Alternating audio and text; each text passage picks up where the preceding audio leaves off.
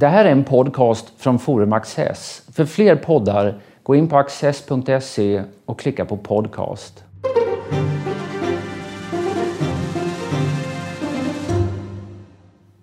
Välkomna till Studio Access. And a warm welcome to Björn Lomborg. You're a political scientist um, and you run the uh, Copenhagen Consensus uh, Center. Consensus about what?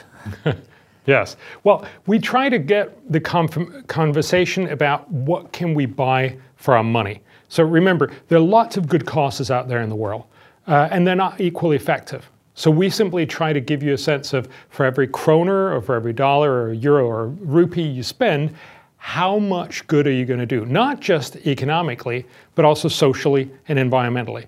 So it's a little bit like you know if you if you walk into a restaurant uh, you get a menu, and not only a menu, but you get a menu with prices and typically also sizes. You get a sense of what am I going to buy?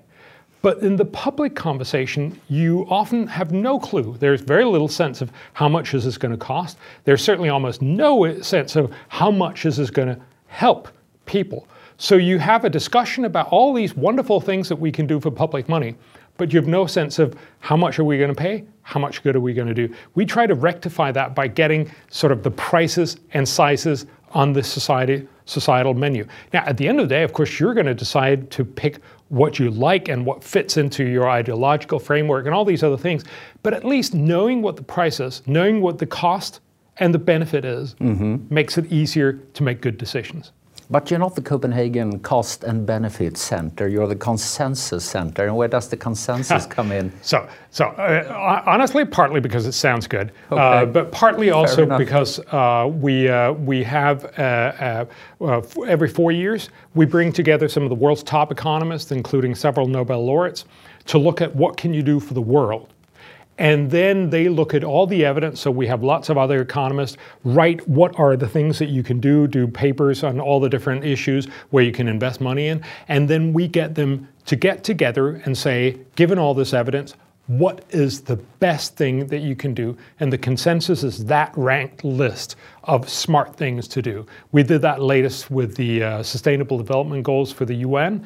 Uh, so the UN decided we were going to, you know, promise the world all these wonderful things. The, the problem is that the UN has essentially promised everything to everyone everywhere. There are uh, like 17 goals and 170 169 69, uh, yeah. targets, yes. yes. And, and each one of these targets read like a whole menu all by itself itself. So there's literally hundreds of promises, and we know that we probably promised for cost of two and a half trillion dollars, and there's only about 140 billion dollars to be spent. So we've literally promised 20 times too much. So what we tried to say was, well, if we're actually not going to fulfill all of these, shouldn't we have a conversation about which of these many promises will deliver a lot of good for every dollar or Swedish kroner spent, and which will only deliver a little bit. And so we did that, and we had then several Nobels look at if you can't promise everything, maybe you should start promising the things that would be most effective. They actually came out with 19 targets instead of promising 169. The Economist uh, did a riff. I thought that was very funny. They, they, uh, you know, they are very funny typically. Uh, their leader was the 169 commandments. They said there's a reason why Moses came down the mountain with 10 and not 169. You just can't get people to focus on it. You can't get people to you know, invest into it. Uh, when people come up and tell me, you know what, my target is in, the, you know, my thing is in the Sustainable Development Goals, I, I go, good for you, but so's everyone else. Uh, so, you know, fundamentally, we have to prioritize. We can't do everything. And this is an opportunity to actually talk about where can you do the most good first. Well, I mean, most people do not even follow the Ten Commandments, but I guess that uh, oh, I guess that 19 is an improvement to 169. Yes, absolutely. It is. And and can I also just so the way we see the world is, you know, we try to be rational. We try to say, how can you use economic evidence to help make decision making better?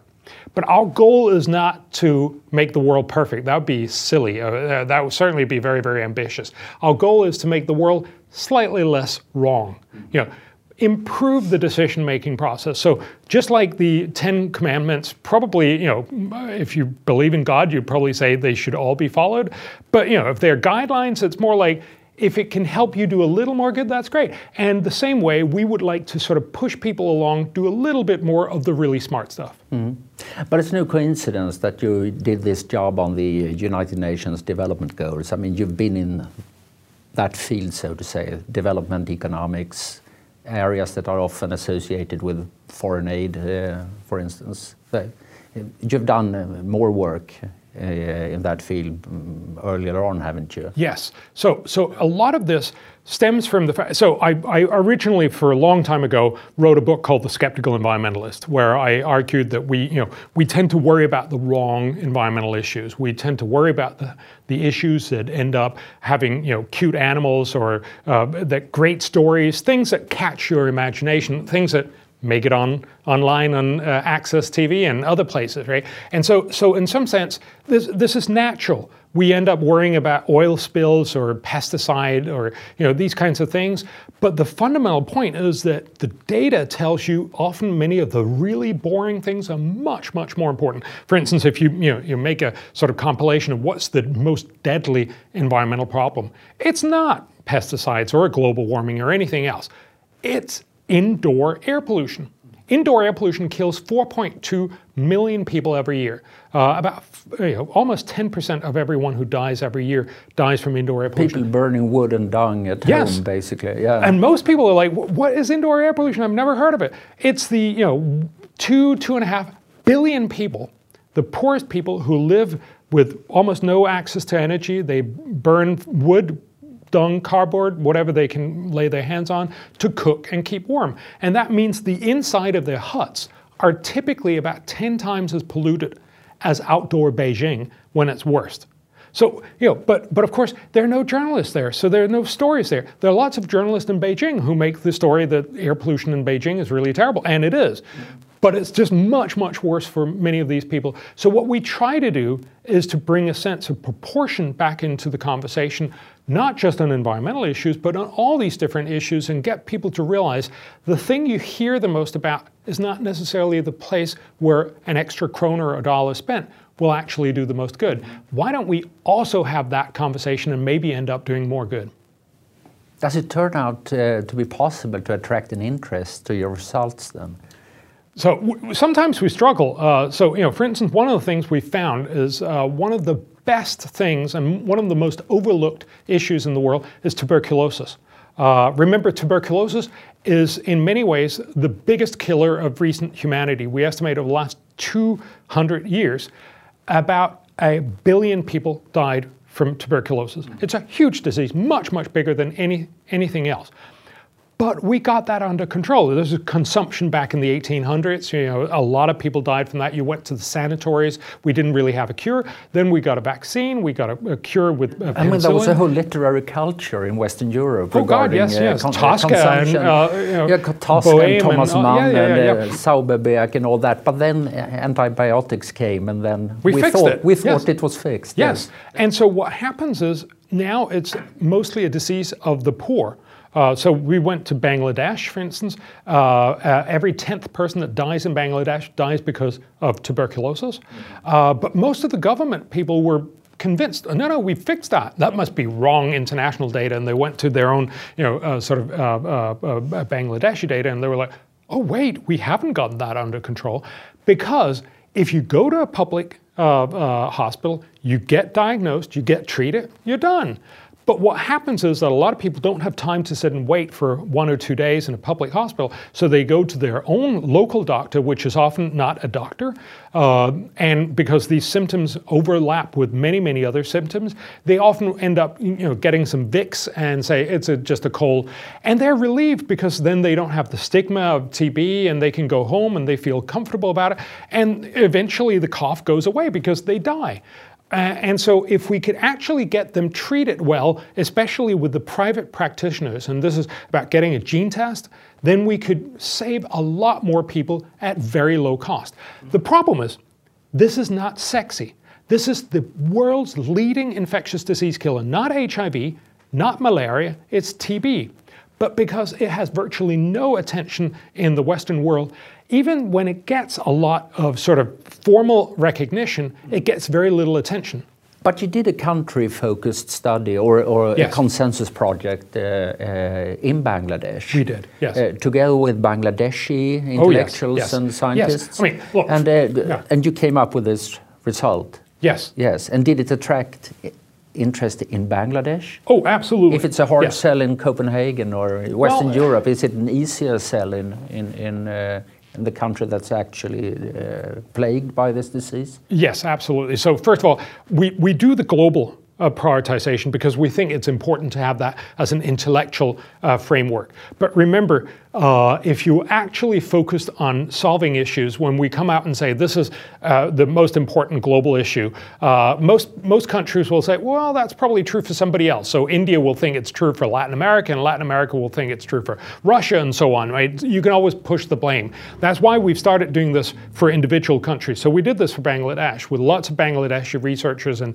Bangladeshi people. We did it together with BRAC, which is the world's biggest NGO in Bangladesh, and we came up with a list of some of the very, very best investments. And we presented this to the government. We worked together with the government's think tank, the uh, A2I uh, think tank, the Premier's uh, own, own think tank, and a lot of line ministries. And again, they looked down over the menu that we gave them and you know, the finance ministers were like, "Yeah, I like this. No, no, no. Yes, no, no, no." You know, for a lot of other reasons. There's a lot of political reasons why some things can't get done, but some of the things did get done. So they certainly picked up the most important way that you could help Bangladesh turned out to be getting e-procurement. Now, this sounds incredibly boring. Uh, uh, you know, most developing countries spend about a third to half of their entire spend on procurement. Uh, and this is often vastly uh, uh, uh, uh riddled with corruption.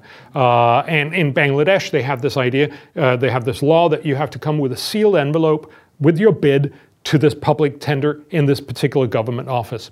Now, of course, many places this is already rigged. You know, the local uh, decision makers have already decided you're going to get the bid, and then they put up goons outside the office, so you literally physically can't get into the office with your bid. And so they end up with your bid. Uh, and that's how you do it. If you do this electronically, it turns out, and we did that for 4% of Bangladesh uh, uh, procurement for two years, turns out that you can both get better quality, you can get it because you can get it from all of Bangladesh because you can read about it far away, and you actually get it much cheaper. Uh, on average, you got it 12% cheaper. Not surprisingly, the finance minister loved that because that was basically saying you can have $700 million for free in your budget if you switch to e-procurement. Uh, not entirely for free because you have to spend money on, uh, on the computer program, you have to get more computers out to the officials, and you have to retrain about 125,000 officials. But it's a small fraction of that cost. And so now they're, they're, they're, they're well along. They haven't completed the whole, uh, the whole journey of e-procurement, but they've gone very far in this. They also had some other things on, on land digitization. Land is an incredible premium in Bangladesh, and on, uh, on uh, nutrition nutrition, which also turns out to be a great investment. So we by no means convinced Bangladesh to do all the smart things, but that's not how democracy works. But we showed them the list of priorities. We worked with the biggest Bangla and the biggest English speaking paper. We got lots of people realizing, oh, there's a lot of smart things to do. There's still a lot of politics. You have to get reelected, all kinds of other things. But we changed the conversation so it became a little more rational, a little more effective. And that's all you need because that act by itself will deliver billions of dollars of benefits at very low cost. Are you active in seeing to that your results are being kept alive over time, so to say? That uh, you go to Bangladesh, you, you undertake this study, you come up with a result, what about enforcement? What about year two, year three, year four, and so on? Do you have the resources to be there and follow no. up? No. And we should. This is one of the problems. We're, we're, we're a project based organization, so we're funded for this project. This was funded by the C&A Foundation, who gets a lot of their clothing sewn in Bangladesh. So they want to pay back uh, to Bangladesh. And, and, and clearly they want to, you know, to have this splash.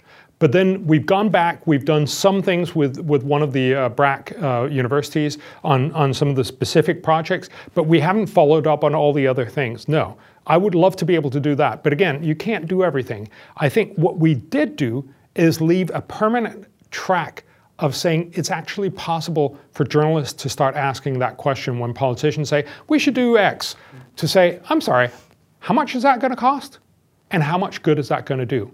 And if you just start that conversation, you can actually end up with a better conversation in the long run. Uh, we did this in Haiti, uh, and we actually worked with a lot of government officials there. Uh, so we have also left the opportunity to do cost benefit analysis in much of the public administration. So that will also be a lasting uh, uh, uh, impact. But look, we're a small organization. We're, you know, we're, these projects cost a little more than $2 million. So, you know, this is not a world changing billion billion dollar impact. It's a little impact, but it has an outside outsized impact, but it's still, you know, it's not this thing that'll suddenly make the whole world rational. But for a small uh, Copenhagen-based or maybe ex-Copenhagen-based, ex-Copenhagen, ex-Copenhagen-based uh, uh, think tank, you still manage to get um, uh, quite a lot of attention all over the world. Uh, and that's due to the fact that you're not only the skeptical environmentalist, but also the controversial uh, uh, environmentalist. So, what's so controversial about your activities? So, it, it's in some ways when when I explain what I do, most people are like, "That's obvious." So, we look at where can you spend resources and do the most good. Now, how could you possibly disagree with that? You realize that we can't spend all the resources and everything, so clearly we should spend it where it does, does the most good. One of the problems is that some of the favorite things that people want to spend money on are not very effective. Now, that obviously pisses off the people who do these projects. So, in India, for instance, uh, we did a lot of study on uh, sanitation. Uh, clearly, sanitation is a big issue. Modi has staked his uh, premiership on, uh, on getting more uh, sanitation, and that's wonderful. Unfortunately, sanitation is only a so so investment. We find that it probably gives you three kronas back in every krona, which is nice, but it's not by any means the most phenomenal impact. Clearly, if you're in the sanitation business, you're not particularly fond of that result. But I think what you're alluding to is probably the biggest sort of uh, dispute, and especially in the Western world, is with much of the current climate policies that we spend money on. Uh, again, this matters for two reasons partly because climate is a big conversation, but also because if you look at the amount of money that we are spending, it is probably, and by far, the biggest impact spending that we have on trying to help other people. Remember, most of the things that we build here in Sweden would be things that are enjoyed by Swedes. So you build a school for Swedes or you build a road for Swedes. We spend a little bit of money helping everyone else, you know, through development aid, through participation in UN forces and, and you know, peacekeeping forces, that kind of thing. And then we spend it, for instance, on global warming. Global warming money is not predominantly spent to help Swedes. Actually, sort of very, very, you know, locally looking global warming for at least quite a while would probably be beneficial for Sweden because you're so far north. Uh, but for most of the world, global warming is a negative impact. So if you help spend money on this, it'll help especially future people far down the line. So you can help you know people, especially in poor, what, what is new, now poor countries, a lot in 100 years with climate policies. So that's what we're spending hundreds of billions of dollars, possibly even trillions of dollars uh, in, in, in trying to do. The problem is the current set of policies that we spend on climate are fairly ineffective. So if you look at uh, the Paris Agreement, if everyone does this well, that means every done, everyone does everything they promised in the most effective manner possible, which is typically one carbon tax across the entire nation or for the EU, the entire EU, to uh, achieve what has been promised. Every kroner will deliver about 40 euro or less of benefits. That's not a very good investment. That's actually a bad investment, certainly compared to when you could spend that kroner and hand over, for instance, gene tests uh, for tuberculosis and do 43 kroners of social good for the same poor people that you want to help. So I'm simply trying to make that conversation of saying, look, we can only spend the money once. Let's make sure we spend it in the right way. And this gets into a lot of people's wheelhouse when you say maybe the climate policies that we're doing right now are not very effective. I mean, this can become very technical very fast. So when you say that one krona spent on on, on uh, climate, uh, anti-climate change uh, policies only gives, uh, yeah, well, it doesn't really give you that much. How can you give us an idea yes. about how that's uh, computed? Yes. So the, the, the biggest estimate that we have is from, or the, the most well-respected one is actually from Nordhaus, William Nordhaus. He just got the Nobel uh, laureate. He's the first climate economist, the only climate economist to get the Nobel Prize uh, in economics. He's done a model where you have a functioning world, global economy, and then you have a functioning uh, uh, model of climate. And then what happens is as you produce more and you get richer and still use a lot of fossil fuels, you also get more warming. Those warming impacts are both positive and negative impacts, but because the negative impacts vastly outweigh the positive ones, you get more and more negative impacts. And so what he does is he runs a model to say, how can you optimize uh, that? How can you reduce carbon emissions so that you still get the benefits of getting richer, getting people pulled out of poverty, but also cuts temperatures and what's the balance in that. The specific part that I just alluded to, because he hasn't actually done the analysis on the Paris Agreement, uh, the Paris Agreement is based on what is known as the social cost of carbon, which is basically a way to use these models to say what is the damage cost of an extra ton of CO2 emitted about now.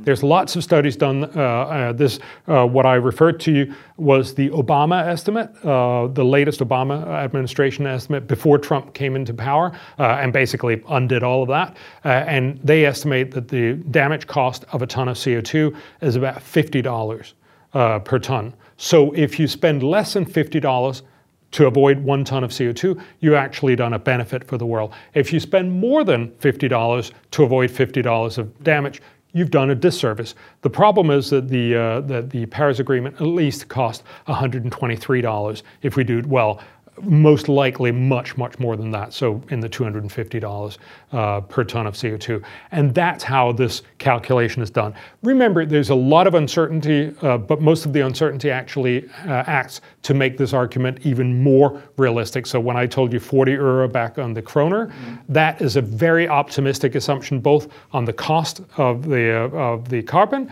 and of the implementation of the policy that will achieve it. If we're more realistic, it'll actually be an even less good uh, policy. And the temperature reduction it'll produce is like so, so again, this is this is very, very controversial and very hard to do because if we if you look at just what we promised in Paris, we promised some carbon cuts over the next 15 years, so to 2030. If you just look at those, the temperature impact, even if everybody did everything they promised, would be minuscule. You can run that through very any standard climate model, and you get about 0.04 degrees temperature change. You know, nothing by the end of the century. And then lots of people would say that then we have to do much more. Yes, and, and, and I guess one of the Paris Paris outcomes was a promise of making new promises after 2030, yes. right? Yes. yes. So, so clearly you can promise to do much more. It's rarely a good idea when you do a lot of stuff and it doesn't work to just do more of that. Uh, but you know, it could be. But it turns out that if you actually do the models, no, you're just going to end up even poorer. So we estimate that, that if you continue your Paris promises for the rest of the century, uh, it'll cost you about a trillion to two trillion dollars a year globally. So we're talking one to two percent of GDP you know, not the end of the world, but certainly a large cost, certainly by any means the largest cost that the world has ever sort of agreed politically to take on. And the net benefit by the end of the century will be a reduction in temperatures of 0.17%. Sorry, 0.17 degrees. So, very tiny reduction. You'll probably just be able to measure it by the end of the century for what is essentially $80 trillion or more uh, over, the, uh, over the century. That's a lot of money to achieve very little. And then, yes, people will say we should do more. I would argue that if we have been so bad at doing this uh, for the last 30 years, we've basically achieved to cut almost no CO2 globally, uh, and we're promising stuff that's very costly and we're probably not going to do, but to the extent that we'll do it, we'll do very little good for fair, amount of cost, we should find a smarter way to do it. That's why when we asked, so we worked uh, with 27 of the world's top climate economists, three Nobel laureates, to look at what are the smartest ways you can spend money on climate. And we found that the smartest long-term strategy is not what we're trying today, namely cut carbon emissions, which turns out to be fairly costly and deliver fairly little, but it's investing in research and development into new green technology. So essentially, innovate the next green technology that'll be much cheaper. Because the simple idea is if you could get green technology to take over from fossil fuels right now and be richer, everyone would do it. We wouldn't need a Paris Agreement. That's why these are costly technologies right now. But imagine if you could invent a technology that would be cheaper and better than fossil fuels. We'd be done. Everyone would switch. You wouldn't need another Paris. You, everybody would just do it simply because it was their own private interest. So if you invest in, in research and development, you have a chance to find the technology that'll get everyone to change. We've seen that a couple times. So uh, the obvious latest one is the fracking revolution in the US. So the US spent about 10 years investing about $10 billion in getting you know, some wildcat frackers in, in Texas and other places to come up with better ways to get gas out of the ground. Remember, this had nothing to do with climate. They just wanted to get more money and more fossil fuels out of the ground. But it turned out that because they found a very, very cheap way of getting gas, the US was flooded by gas. What happened was that that means it becomes a lot cheaper to produce electricity with gas than coal. So they've shifted about 10 percentage points of their electricity generation from coal to gas. That matters because gas emits about half the CO2 as what coal does per energy unit. So the US has actually seen the largest single drop in CO2 emissions not because they were green, not because, you know, uh, uh, and this is still under Trump, but not because Trump is an environmentalist or anything, but just simply because technology made it much cheaper to get gas than coal because of a technological breakthrough. Imagine if we could do the same thing. Now, this doesn't solve the problem because it's still a fossil fuel. It's a better fossil fuel, but it's still a fossil fuel. If we could do the same thing for green technologies, you know, Craig Venter, uh, the guy who cracked the human genome back in 2000, he has this idea that he wants to do algae on the ocean surface, uh, genetically modified algae that soaks up sunlight and CO2 and produce oil. Now, this is in principle possible. It's still not by any means commercially viable. But if he could make it commer uh, commercially viable, we could basically grow ocean, uh, oil on the ocean, which would basically mean we could have the entire fossil fuel driven economy and not emit a single CO2 because it would have been soaked up in the ocean. Now, that's just one of these many innovations. I'm not going to say I don't think this could succeed. Nobody Who knows. knows? But the point is, there are lots of these ideas out there. If we funded more of those, that could be a dramatic way we could solve global warming and do it a lot cheaper than what we're currently trying to do. Time has flown, but uh, there is uh, still time for a last question. And I would ask you then that uh, lots of people are obviously, you can see that everywhere, afraid of what's happening with climate. Um, What's your advice to them? Uh, what, what, should a, a, human, a layman in, in, a, in a democracy do? What's the reasonable thing to do? Should he, he or she change uh, his own habits, uh, consume less? Uh, should he, he, or she become politically active? What's your advice? So there's a couple of layers of that. First of all, you should recognize that there are many, many other things that matter a lot more to most people. So the UN asked uh, 10 million people in the world, what are your top priorities? They, not surprisingly, said it's about health, education, jobs, good nutrition. Those are the things that really matter to us. They actually put global warming at the last as number 16 of 16. Uh, so if you ask most people in the world, they care a lot more about other issues. Those are the things that you should focus on. You should also recognize that most of the models show that global warming is going to be a problem. It's by no means going to be the end of the world. Uh, we get the sense that if we don't do something about global warming in the next 12 years, we're all going to be doomed. Nothing like that is anywhere in the UN climate panel reports. It tells you this is a problem, not the end of the world. The economic models show that the impact, and this was actually a quote from the UN climate panel report, that by 2070s, if we don't do anything about global warming, it'll be the equivalent of us losing, on average, 0.2 to 2% of our income.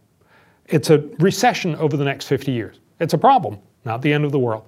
The third thing is if you panic, you're unlikely to make good decisions. So we should stop panicking because there's no good reason for panicking. There is an issue for being concerned. So we should fix all these other problems and make sure we fo focus a lot of our attention on these things that matter to the world. But we should also fix global warming. We're an advanced civilization. We can chew gum and walk at the same time. But let's make sure we do it smartly. And that's about research and development into green energy. Björn Lomborg, thank you very much for being with us. Och tack så hemskt mycket för att ni har tittat. Och här kommer några extra minuter med mig och min gäst. You mentioned Nordhaus uh, uh, and he's, he's the leading economist in the field. Uh, his analysis seems to come to the conclusion that uh, we should accept an increase of average temperatures of around 3.5% uh, at, the end yeah. of, at the end of this, this uh, century which is of course is far more than the uh, Paris Accord hopes for, and the the IPCC is even now uh, they uh, launched a report not that long ago about uh, trying 1. to reach 1.5 yep. Uh, degrees, which seem to demand rather draconic measures. Um, but 3.5 is that a different world from the one we're yes. used to. I mean, yep. one of the arguments that you and Nordhaus uh, face uh, is that uh, you don't take um, tipping points. Tipping points exactly into account. The unforeseen yeah. can happen. Yeah. Um, what do you have to say about so that? There, there's yeah. a couple of things. First of all, let me just. Uh, a lot of people say, you know, the uh, the 1.5 degree report from from the UN came out and said we need draconian changes in the world, and people think that the UN climate panel came out and said the world needs to change now in order to tackle global warming. No, they had been asked by the world's government to say we've we've sort of uh, happened to say that promise that we should get to 1.5 degrees. What would that take? And then the UN climate panel comes back with a report and saying, well, you pretty much can't do it, but if you want to do it, you have to act immediate and do incredibly absurd, absurdly ambitious stuff. And then everyone says, oh, see, the science is telling us we need to do absurdly uh, you know, ambitious stuff. No, the science is telling you that it was a stupid promise in the first place. You know, the 1.5 degrees is almost unreachable, and they're telling you that. Uh, and, and, so I think it's, it's, it's a testimony to the, to the politicization of the conversation that nobody wanted to hear that from the UN climate panel, which is clearly in the report. If you want to get to 1.5, you have to do all these stuff. They do not say, which is obvious, you know, climate policies or climate scientists cannot tell you what you want to get.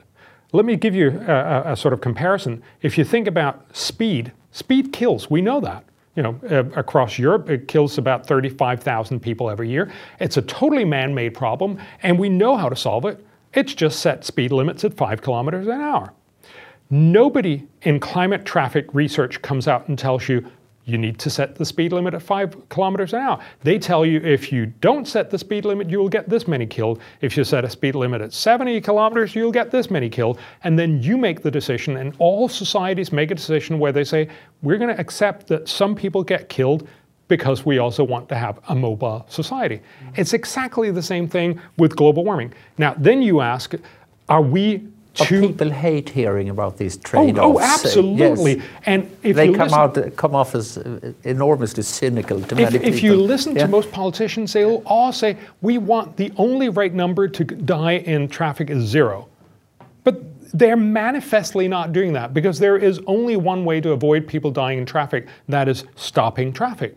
But clearly, we actually believe that the cost of doing that would be much greater. Now, we do a lot of smart things. We put in airbags. We put in, you know, eventually we'll have airbags in the outside of cars so that, you know, when you hit a pedestrian, they're not going to be hurt as much. We'll have a lot of these things, you know, automated uh, uh, uh, uh cars can probably do the biggest change uh, uh, for, for, for traffic accidents. There are lots of technological solutions, and those are the ones that we should be focusing on.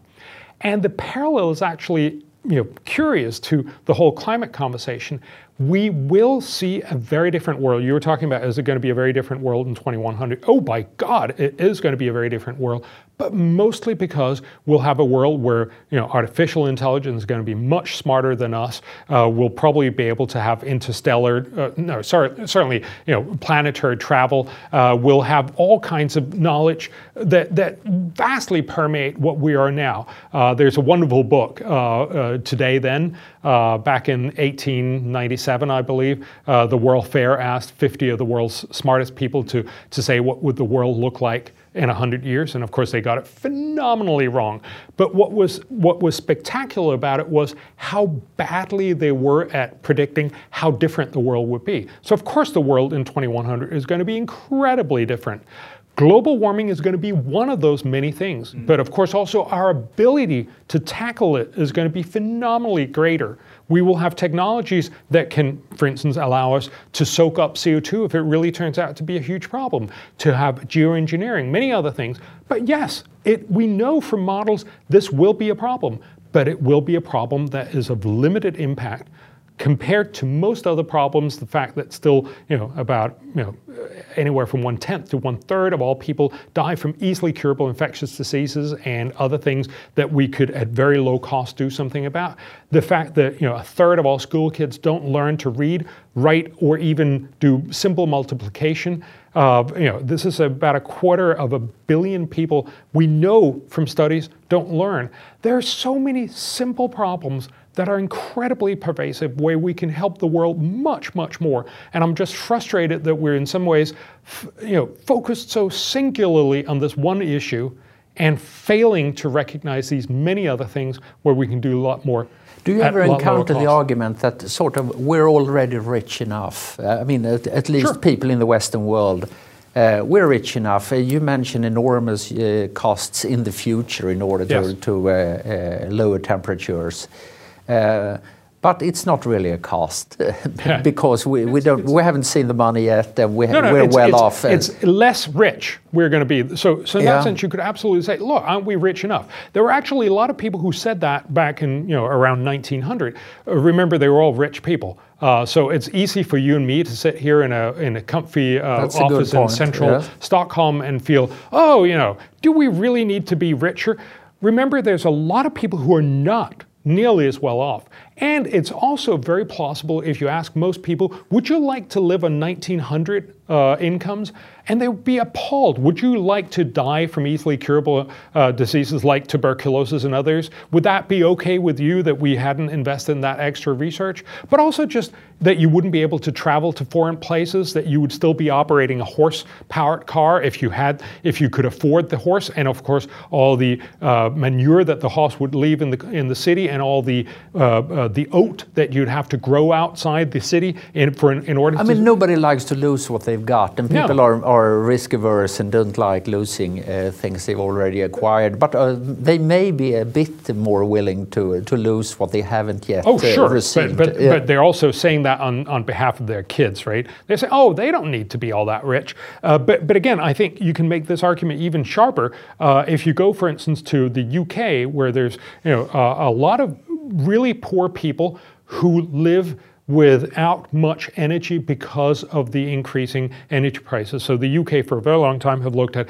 how many people are energy poor, which means that you spend more than 10% of your incomes on, on, uh, on fuel. And because of climate policies, these fuel costs have gone up dramatically.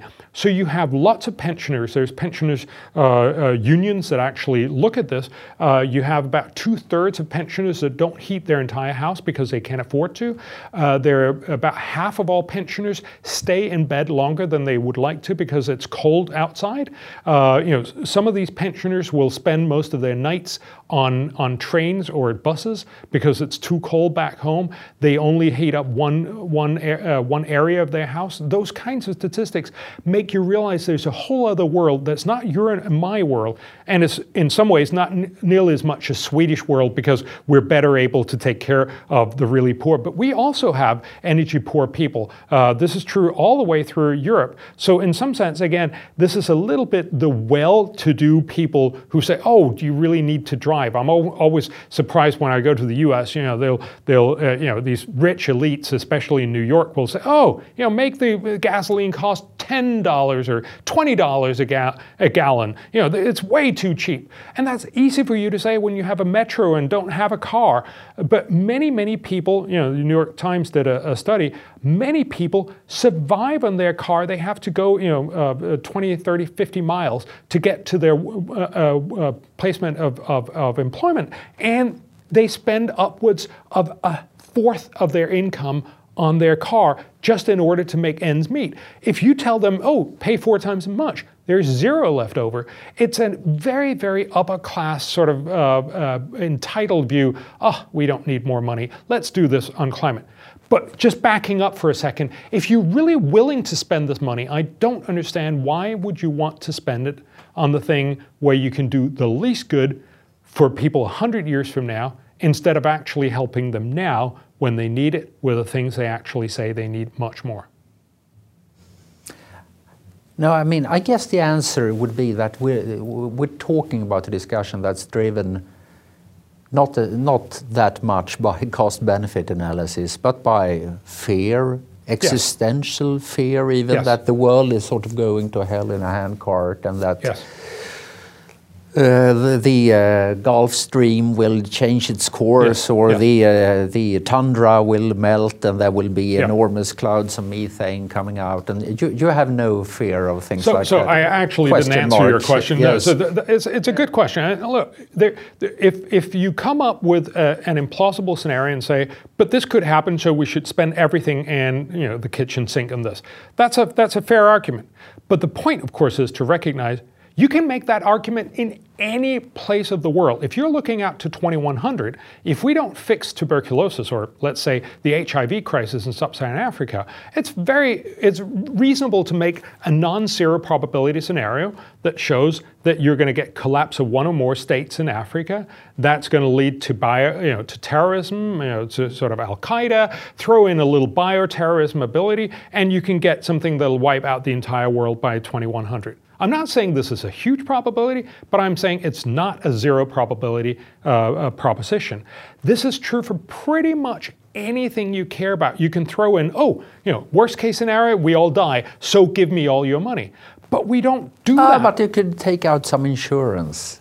Well, but the insurance the way, yes, there, it's, it's true that you can do that for your house. You buy an insurance, what happens if it burns down? The insurance company buys you a new house. It basically builds you a new house. But we can't buy that sort of insurance. That's not, when people present that we buy some you know, uh, uh, climate policy, that's an insurance. If the house burns down, they're not going to come with a new house. It's more like, and more appropriately, like uh, uh, more policing to reduce, for instance, you know, the number of rapes. That's a good argument. We're making it slightly less likely that we're going to get a bad outcome. But it's not an insurance, it's a reduction in risk. That makes sense to do if the cost is lower than the extra risk you're avoiding. Mm.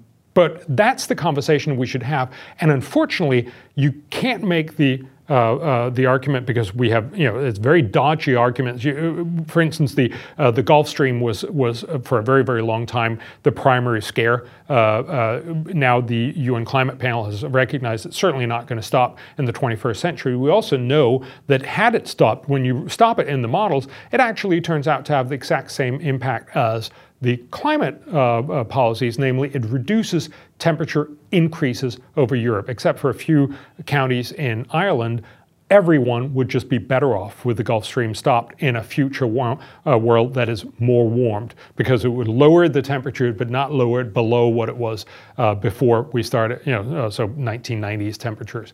So the fundamental point here is we have a lot of these scare stories, but they're not very well to, uh, they've, they've certainly not worked out well in the past, but you can still make that argument my point is you can make that argument in all areas. And so you have to be honest and say, are there better ways to handle that? First of all, climate change policies are incredibly poor at actually reducing carbon, sorry, reducing temperature rises, so they're also, by default, going to be less able to reduce the probability. They will reduce the probability a tiny bit, but really only a tiny bit. The second part is that if you actually worry about uh, you know, strong impacts like you know, Greenland melting or something, the only thing you can do is geoengineering. The only thing that will have a huge impact at short term is doing geoengineering. So essentially, you know, replicating what volcanoes do uh, that can actually, you know, uh, Mount Pinatubo uh, could uh, spew up a lot of sulfur dioxide in the stratosphere uh, from the Philippines back in 1991 and cool the world for about half a degree for a couple of years. Well, it sounds like somewhat of a challenge to get that organized as, as no, well. No, no, no, no. It's not. I mean, it's, it's, it's, it's obviously not something that you can just do in an afternoon, but it's actually something that can be do, done for tens of billions of dollars. Uh, so it's it's in in the order of magnitude that we talk about most things. It's a very very trivial part. This is what we spend on less than one year of research and development into green energy. This is less than what we spend in a month in subsidies to green energy. So clearly we could do that very very easily if we wanted to. Again, I'm not proposing we should do that. I'm proposing we should investigate this because that would be an insurance policy. That's actually a way that we know that we could reduce temperatures if we wanted to. Now, it may not be without negatives, and so certainly we should be looking at, at those negatives and we should weigh them up carefully. It's also a way to make sure that rogue billionaires don't just go away and do that, you know, sort of for humanity's sake. We'd like to know if there are, you know, uh, monsters lurking in the in the dark from those kinds of things. But the important part is again to get a sense of the current climate policies because they're so fairly ineffectual will have virtually no impact on these uh, uh, risk scenarios. And again, remember everything else also have risks. And you know, if you look out to 2100, it's going to be a very, very different world. But I doubt that it's going to be a world where we say the biggest imperative was the fact that temperatures changed three and a half degrees. We're going to say no. The biggest changes were that you know AI and we fundamentally changed the way that we live on, both on planet Earth uh, and, and, some maybe some other planet. You know, uh, Musk wants to go to Mars in just what 2021 or something. Um, yep. Björn, we could go on for a very long time, we and uh, it'd be a pleasure. But uh, it's been a pleasure, uh, and uh, I think we'll wrap it up now. Thank you very much for being with us. Thank you.